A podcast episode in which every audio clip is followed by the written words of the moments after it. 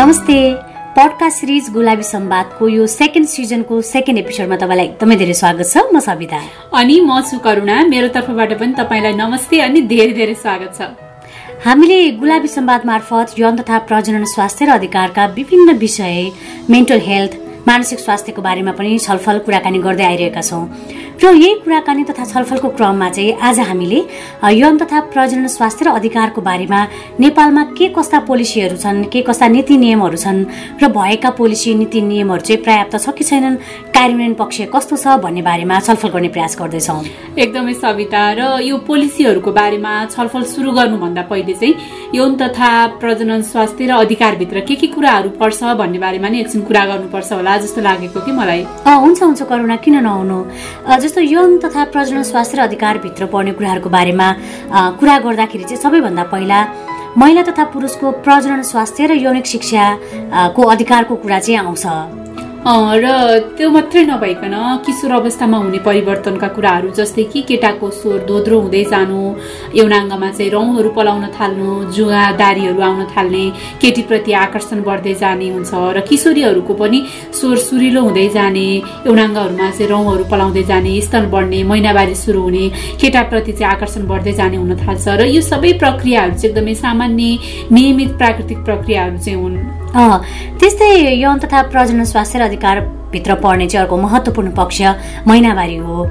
र किशोर अवस्थामा प्रवेश गर्दै गर्दा किशोरीहरूमा चाहिँ महिनावारी प्रक्रिया सुरु हुन्छ। महिनावारी चाहिँ एकदमै प्राकृतिक प्रक्रिया हो।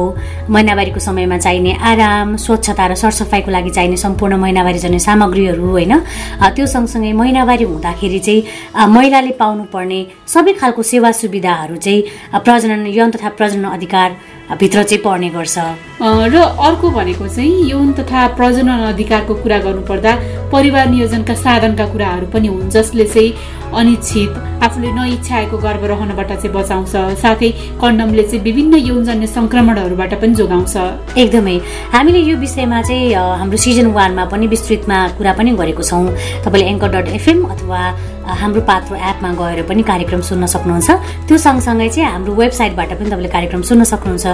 र अहिलेकै छलफललाई कन्टिन्यू गर्दाखेरि प्रजन स्वास्थ्यभित्र पर्ने अर्को महत्त्वपूर्ण र जानकार हुनै पर्ने एउटा पक्ष भनेको यौन सङ्क्रमण होइन? यौनजन्य सङ्क्रमण त्यसको लक्षणहरू र त्यहाँबाट बच्ने उपायहरू पनि हुन्। जस्तो यौनजन्य क्रियाकलाप बाट चाहिँ विभिन्न किसिमको यौनजन्य सङ्क्रमणहरू हुन्छन् होइन? तर कतिपय व्यक्तिलाई चाहिँ ज्ञानको अभावमा भनौँ अथवा उहाँहरूकै आफ्नै केयरलेसले गर्दा लापरवाहीले गर्दाखेरि चाहिँ यौनजन्य सङ्क्रमण भोगिरहनु भएको हुन्छ विभिन्न समस्याहरू भोगिरहनु भएको हुन्छ। र जसले गर्दाखेरि चाहिँ अन्य विभिन्न खालको मानसिक समस्या स्वास्थ्य समस्याहरू पनि भोग्नु परिरहेको हुन्छ। पक्कै पनि र अर्को भनेको चाहिँ यौन तथा प्रजनन स्वास्थ्य सम्बन्धी अधिकारहरू। यौन तथा प्रजनन स्वास्थ्य अधिकार मानिस भएको नाताले चाहिँ हामी सबैले पाउनुपर्ने मानव अधिकार हो। समान सही र निष्पक्ष रूपमा चाहिँ अधिकार पाउनुपर्छ भनेर हाम्रो कानुनमा पनि व्यवस्था गरिएको छ र तिनै मानव अधिकारहरूमा चाहिँ यौन तथा प्रजनन स्वास्थ्य सम्बन्धी अधिकार पनि पर्दछन्। जसमा चाहिँ तपाईँ हामीलाई आफ्नो यौन तथा यौन जीवनको जिम्मेवारीपूर्वक छनौट गर्ने चाहिँ स्वतन्त्र अधिकार दिएको छ। एकदमै जस्तो अब यो यौन जीवन जिउने कुराको कुरा भयो होइन? यसमा चाहिँ आफूले आफ्नो यौन साथी कसलाई छान्ने होइन? कोसँग चाहिँ आफूले यौन जीवन राम्रोसँग बिताउन सकिन्छ भनेर छनौट गर्ने अधिकार पनि स्वयं व्यक्तिलाई नै हुन्छ। हामीले यसमा चाहिँ यौन कर्मीको कुरा पनि जोड्न सक्छौँ होला करुणा होइन? यौन व्यवसायलाई मर्यादित बनाउनको लागि नेपालमा कानुन चाहिन्छ भन्ने कुराहरू पनि चलिरहेको छ होइन? किनकि उहाँहरूको पेसालाई चाहिँ हामीले सम्मानपूर्वक लिनुपर्छ।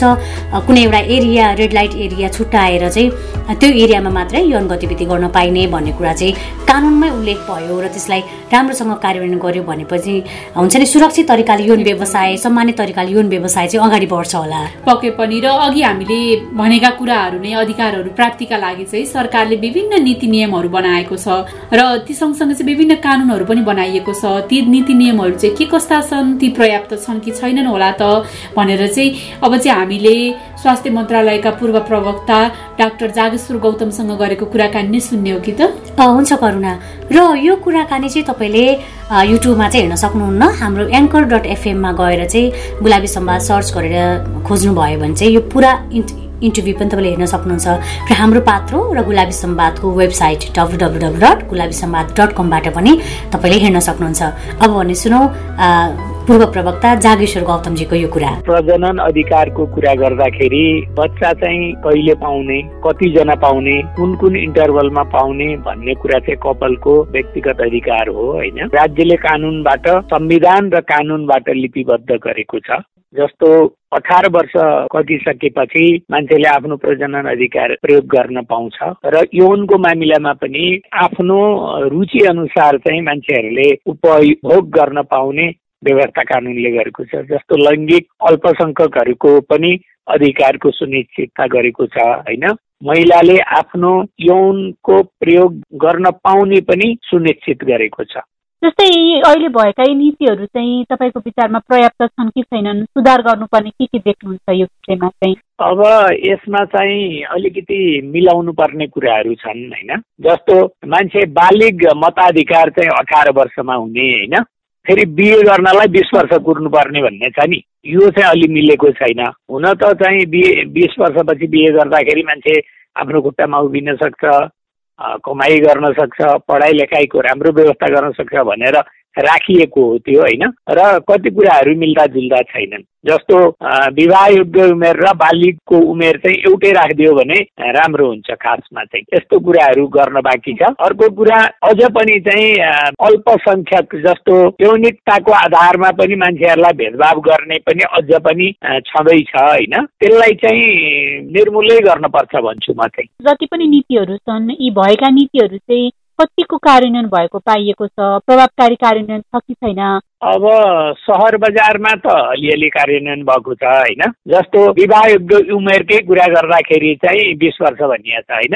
अहिले तपाईँ चाहिँ गाउँघरमा जानुभयो भने बिस वर्षमा पचहत्तर प्रतिशत छोरीहरूको बिहे भइसकेका हुन्छ। त्यसो भएर कानुन मात्रै बनाएर पुग्दैन। व्यवहारमा पनि चाहिँ राज्यका जिम्मेवार निकायमा बस्ने मान्छेदेखि लिएर तलसम्म सबैले चाहिँ यो कार्यान्वयन गर्नलाई ध्यान दिनुपर्छ। यो सरकारले गरेको हो त्यसो भएर चाहिँ गर्नुपर्छ भनेर मात्रै चाहिँ यो परिवर्तन हुनेवाला चाहिँ। जस्तै यो विद्यालय शिक्षाको भूमिका चाहिँ कतिको हुन सक्ला? यो यौन तथा प्रजनन स्वास्थ्य र अधिकार सम्बन्धी नीतिहरूलाई कार्यान्वयन गर्ने कुराहरू अथवा पर्याप्त नभएका नीतिहरूलाई चाहिँ त्यसलाई सुधार गर्दै लैजाने कुरामा चाहिँ। एकदमै महत्त्वपूर्ण छ। विद्यालयमा चाहिँ तपाईँ हामी सबैलाई थाहा भएकै कुरा छ स्वास्थ्य शिक्षा यौन सम्बन्धी क्लास जब पढ्ने बेला हुन्छ अनि सरहरूले म्याडमहरूले चाहिँ ल तिमीहरू आफै पढ भनेर छोडिदिने। त्यसो गरेर कहिल्यै पनि मान्छेहरूलाई सुसूचित गर्न सकिँदैन। अझ महत्त्वपूर्ण कुरा त के छ भने विद्यालयमा नर्सको व्यवस्था गर्ने जुन कति ठाउँमा त प्रदेश सरकारहरूले अहिले गरिरहेछन् होइन? र यसरी चाहिँ नर्सहरूको व्यवस्था गर्न सक्यो भने उनीहरूले स्वास्थ्य र यौन सम्बन्धी शिक्षा दिन सक्छन्। यो कुरा कार्यान्वयन गरियो भने र विद्यालयमा पनि पाठ्यक्रममा पनि यौन सम्बन्धी कुराहरू राखियो भने यसले चाहिँ बच्चाहरूको वयस्कहरूको यौन सम्बन्धी धारणामा परिवर्तन ल्याउन सक्छ उचित शिक्षा दिन सक्छ। कसैको चाहिँ शारीरिक सम्पर्कै भइहाल्यो भने पनि कसरी गर्भ निरोधक साधनहरूको प्रयोग गर्न सकिन्छ भनेर पनि बताउन सकिन्छ अनि अवाञ्छित गर्भधारण पनि रोक्न सकिन्छ। यो चाहिँ महत्त्वपूर्ण छ। जस्तै स्थानीय तह अहिले त अब पछिल्लो समय स्थानीय तहका गतिविधिहरू चाहिँ एकदमै प्रभावकारी रूपमा व्यक्ति व्यक्तिसम्म पुर्याउनको लागि चाहिँ सहज माध्यम बनिराखेको छ। यस्तो अवस्थामा चाहिँ यी नीतिहरू कार्यान्वयनमा चाहिँ स्थानीय तहले चाहिँ कस्तो खालको भूमिका खेल्न सक्छ अथवा कस्तो खेलिरहेको यहाँले पाउनु भएको छ? अब स्थानीय तहले त्यति राम्रोसँग यस मामिलामा काम गरेको चाहिँ छैन होइन? र अब अहिले सात सय त्रिपन्नवटै स्थानीय तहमा चाहिँ यौन र प्रजनन स्वास्थ्य सम्बन्धी अभिमुखीकरण गर्नुपर्छ। पहिला त्यहाँ काम गर्ने पदाधिकारीहरूलाई। अनि बल्ल उनीहरूले चाहिँ बुझ्छन्। र एडोलेन्सेन्ट एन्ड सेक्सुअल हेल्थ भन्छ नि एएसआरएस यो हेल्थ सम्बन्धी चाहिँ उनीहरूलाई जानकारी नै छैन। त्यो जानकारी हामीले पहिला दिनुपर्छ। अनि बल्ल उनीहरूले चाहिँ आफ्नो एरियामा आफ्नो पालिकाभित्रका व्यक्तिहरूलाई वयस्कहरूलाई बताउन सिकाउन र अझ भन्ने हो भने पोलिसी बनाउन पनि सक्छन्। उनीहरू नै सुशिक्षित धेरै छैनन् आजको दिनमा भन्नुपर्दा। अन्त्यमा चाहिँ अब यो स्थानीय तहको कुरा त हामीले गऱ्यौँ। अघि विद्यालय शिक्षाको महत्त्वपूर्ण भूमिका हुन्छ भन्ने कुरा पनि गऱ्यौँ। यी बाहेक राज्य र यी दुई निकाय बाहेक अरू को को पक्ष चाहिँ जिम्मेवार हुन सक्छन् एउटा परिवार अथवा एउटा व्यक्ति स्वयंको चाहिँ भूमिका कस्तो हुन सक्छ यस्ता नीतिहरू कार्यान्वयन गराउने कुरामा अथवा नीतिहरू हेरफदल गरेर चाहिँ समयअनुसार परिमार्जन गर्दै लैजाने कुरामा। अब व्यक्ति सबभन्दा बढी जिम्मेवार हुन्छ होइन? यौन प्रजनन सम्बन्धी त व्यक्तिले गर्ने व्यवहार हो नि यो त। त्यसो व्यक्ति सबभन्दा बढी जिम्मेवार हुन्छ। तर व्यक्तिलाई पनि उचित इन्फर्मेसन सूचना को कमी छ। त्यसपछि नै परिवार। अब परिवारमा त यौन सम्बन्धी कुरा त मान्छेले खुलेर कुरा गर्नै सक्दैन। अझै पनि हाम्रो जुन रूढिवादी परम्परा छ हामी चाहिँ एकदम कन्जर्भेटिभ छौँ ट्रेडिसनल छौँ। हामीले चाहिँ अझ यो कुरा परिवारमा छलफलको बारे विषय बनाउन सकेकै छैन। त्यसो भएर परिवारको रोल एकदमै महत्त्वपूर्ण छ जुन कुरा हुनै सकेका छैन। त्यसबाहेक एनजिओहरू क्लबहरू स्कुलहरू यी सबै चाहिँ निकायले चाहिँ यसबारेमा चाहिँ अलिकति चासो राख्यो भने अलिकति चाहिँ जानकारी गराउन गर्न सक्यो भनेदेखि यो प्रजनन यौन स्वास्थ्यमा चाहिँ अलिकति सुधार आउन सक्छ। स्वास्थ्य तथा जनसङ्ख्या मन्त्रालयका पूर्व प्रवक्ता डाक्टर जागेश्वर गौतमलाई धेरै धेरै धन्यवाद। के कस्ता पोलिसीहरू चाहिँ यौन तथा प्रजनन स्वास्थ्य र अधिकारसँग जोडिएका छन् ती पर्याप्त छन् कि छैनन् भन्ने बारेमा चाहिँ यति मजाले हामीसँग कुराकानी गरिदिनु भएकोमा उहाँले भन्नुभएको जस्तै पोलिसीहरू त छन् होइन। यौन तथा प्रजनन स्वास्थ्य अधिकारको बारेमा नीति नियम पनि बनाइएका छन्। यौन अधिकारको लागि कानुनमै पनि व्यवस्था गरिएको छ होइन। तर ती सबै कुराहरू चाहिँ पर्याप्त भने छैनन्। अझै पनि हामीले त्यसमा वर्कआउट गर्नुपर्नेछ। अझै पनि जनस्तरमा चाहिँ पोलिसीमा भएका कुरा नीति नियममा भएका कुरा चाहिँ प्रसार गर्नुपर्नेछ होइन करुणा? पक्कै पनि। र अझ मलाई त के लाग्छ भने सविता हाम्रो कानुन छ। कानुन कार्यान्वयन गर्ने विभिन्न पक्षहरू पनि छन् होइन। सरकारी तथा गैर सरकारी चाहिँ सङ्घ संस्थाहरू निकायहरू पनि छन्।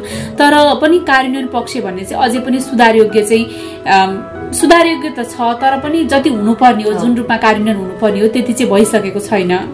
हो। त्यही भएर पनि हामीले यो छलफलहरू गर्दै गर्दाखेरि चाहिँ मलाई कस्तो भइदियो हुन्थ्यो जस्तो लाग्छ भने होइन? आफ्नो क्षेत्रमा चाहिँ स्थानीय निकायले यौन तथा प्रजनन स्वास्थ्य र अधिकारको बारेमा स्पष्ट नीति बनाउने होइन?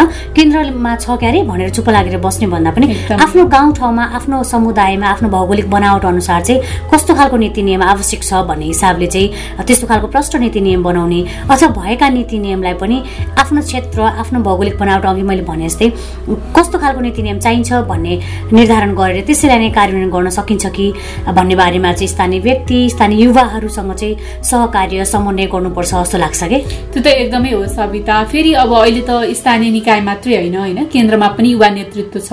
उहाँहरूले पनि महिला प्रजनन अधिकारका कुराहरू यौन शिक्षाका कुराहरू स्वास्थ्य सम्बन्धी कुराहरूको बारेमा पक्कै पनि राम्रो कामको थालनी गर्नुहुनेछ भनेर पनि हामीले विश्वास लिएका छौँ र जुन अहिले भइरहेका नीतिहरू छन् नीति नियमहरू छन् त्यसलाई कार्यान्वयन गर्ने त्यसलाई सुधार गर्दै लैजाने समय अनुरूप चाहिँ त्यसलाई परिमार्जन गर्दै लैजाने र सच्याएर नयाँ बनाउनु पर्ने भए पनि त्यसमा चाहिँ काम गर्नुहुनेछ भन्ने पनि हाम्रो अपेक्षा छ। एकदमै हो।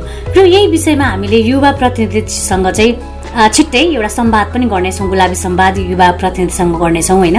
उहाँहरूसँगको संवादमा चाहिँ उहाँहरूले के कस्तो योजना बन्नु भएको छ कसरी चाहिँ यौन तथा प्रजनन स्वास्थ्य र अधिकारको विषयलाई समेट्नुहुन्छ भन्ने बारेमा छलफल गर्ने प्रयास गर्नेछौँ छिट्टै नै। बरु तपाईँसँग पनि त्यस्तो खालको केही धारणा छन् अथवा उहाँहरूलाई नै केही प्रश्न छन् भने चाहिँ हामीलाई हाम्रो email address Gulabi Sambad at Gmail dot com अथवा हाम्रा सोसियल मिडियाहरूमा चाहिँ पठाउन सक्नुहुन्छ। तपाईँका कुरालाई पनि हामीले हाम्रो संवादमा चाहिँ समेट्नेछौँ। पक्कै पनि र यी र यस्तै विषयमा छलफल गर्न फेरि पनि हामी आउने नै छौँ। र आजको छलफल तपाईँलाई कस्तो लाग्यो? आफूलाई लागेको कुरा हामीलाई भन्न चाहिँ नभुल्नु होला र त्यसको लागि चाहिँ हाम्रो इमेल ठेगाना रहेको छ Gulabi Sambad at Gmail dot com G U L A B I S A M B A D Gulabi Sambad at Gmail dot कममा तपाईँले हामीलाई इमेल गर्न सक्नुहुनेछ। त्यस्तै तपाईँले हाम्रो पडकास्ट गुलाबी सम्वाद देशभरिको छ्यालिसवटा रेडियो स्टेसनबाट सुन्न सक्नुहुन्छ। त्यसै गरी हाम्रो अनलाइन प्लेटफर्म एङ्कर डट एफएममा पनि गुलाबी सम्वाद सर्च गरेर सुन्न सक्नुहुन्छ अथवा एङ्कर डट एफएम चाहिँ एप छ त्यो एप डाउनलोड गरेर पनि तपाईँले त्यहाँ सब्सक्राइब पनि गर्न सक्नुहुन्छ। र त्यो सँगसँगै हाम्रो पात्र त तपाईँलाई पक्कै पनि थाहै छ। हाम्रो पात्रमा पनि तपाईँले गुलाबी सम्वाद सुन्न सक्नुहुन्छ। र हाम्रो आफ्नै वेबसाइट पनि छ गुलाबी सम्वाद डट कम। तपाईँले त्यहाँ गएर पनि हाम्रो पडकास्ट सुन्न। सँगसँगै चाहिँ किशोर किशोरी भाइ बहिनी उहाँहरूका अभिभावकहरूले लेखेर पठाउनुभएका आफ्ना अनुभवहरू जुन अनुभव भोगाईहरू चाहिँ यौन तथा प्रजनन स्वास्थ्यसँग प्रत्यक्ष रूपमा सरोकार राख्छन् ती भोगाईहरू पनि तपाईँले पढ्न बुझ्न र आफ्नो पनि त्यस्तै अनुभवहरू छन् भने हामीलाई अघि भनेका ठेगानाहरूमा पठाउन सक्नुहुनेछ। यो गुलाबी उमेरको भोगाईहरू हामीलाई पठाउनको लागि चाहिँ हामी कार्यक्रमबाट पनि हाम्रो श्रोताहरूलाई भन्न सक्छौँ होइन? किनकि हामीले जति पनि हाम्रो आर्टिकलहरू आएको छ ब्लगहरू आएको छ त्यो सबै चाहिँ तपाईँ जस्तै किशोर किशोरहरूले लेख्नु भएको छ कतिपय चाहिँ अभिभावकले लेख्नु भएको छ होइन? मैले मेरो बच्चालाई यसरी यौन शिक्षा सम्बन्धी चाहिँ यसरी यो उमेर अनुसार सिकाइरहेको छु भनेर भनिराख्नु भएको छ होइन? त्यही भएर चाहिँ तपाईँ शिक्षक हुनुहुन्छ तपाईँ अभिभावक हुनुहुन्छ तपाईँ विद्यार्थी हुनुहुन्छ किशोर अवस्थामा हुनुहुन्छ अथवा एडल्ट एजमा भइसक्नुभयो होइन? जस्तो कन्डिसनमा हुनुहुन्छ तपाईँले भोगेको तपाईँले देखेको अथवा सुधार्नुपर्ने कुराहरू के कस्तो छन् यो विषयमा भनेर चाहिँ हामीलाई सानो जस्तो सक्नुहुन्छ त्यस्तै ब्लग लेखेर गुलाबी सम्वादको इमेलमा पठाउन सक्नुहुन्छ। हामी चाहिँ तपाईँको ब्लगको तपाईँको लेखाइको प्रतीक्षामा छौँ भन्दै। आजको लागि भने हामीले छुटिनु पर्ने बेला भइसकेको छ। आजको कार्यक्रम सुनिसकेपछि तपाईँको मनमा लागेको कुराहरू हामीलाई भन्दै गर्नुहोला। अनि यौन तथा प्रजन स्वास्थ्य र अधिकारको विषयमा छलफल गरेको पडकास्ट पनि सुन्नुहोला। भन्दै आजको लागि गुलाबी सम्वादको दोस्रो सिजनको दोस्रो एपिसोडबाट करुणा र सविता विदा माग्छौँ। नमस्ते। अर्को श्रृङ्खलामा फेरि भेट्नेछौँ।